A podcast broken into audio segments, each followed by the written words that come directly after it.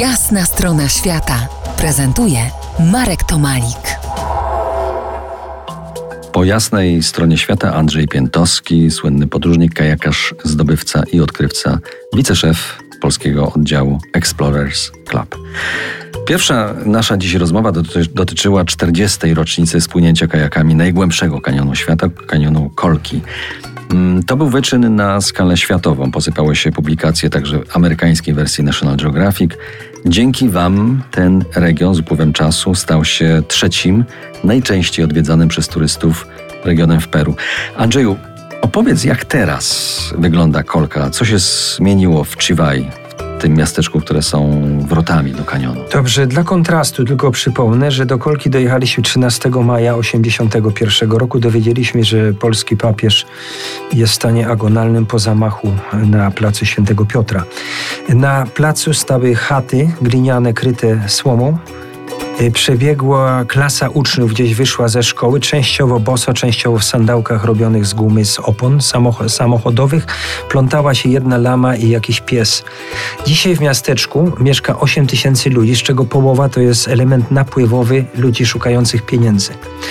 Niestety muszę użyć słowa komercjalizacja, która mnie osobiście przeraża. To nie jest ta kolga, która była. Jest ogromny pęd tych biednych ludzi, którzy wyszli z domów bez okien, robionych z kamienia krytych słomą i mówiłem 250 tysięcy turystów i ogromny wpływ y, pieniędzy, rewolucja kulturalna.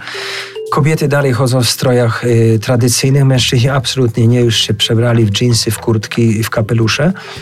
Widać, dużo ludzi ma naprawione zęby, dawniej zęby wyrywano chodzą w okularach, mogą widzieć z kim, z, kim, z, kim, z kim rozmawiają. No i powstało kilka prywatnych szkół, gdzie nauczanie chociażby języka angielskiego jest na dużo wyższym poziomie niż w szkołach publicznych, tam gdzie my pracujemy.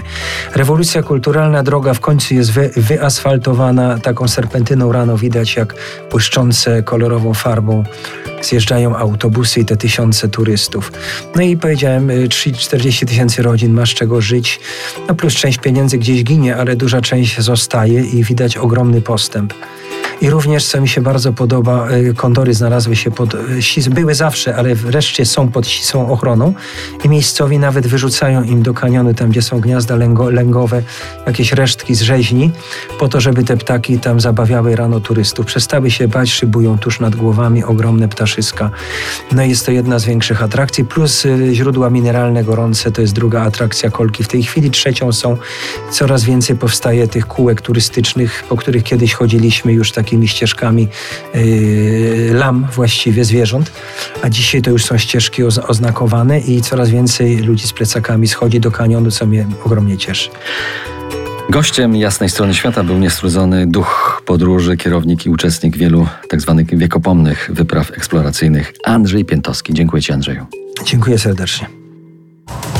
To była jasna strona świata w RMF Classic.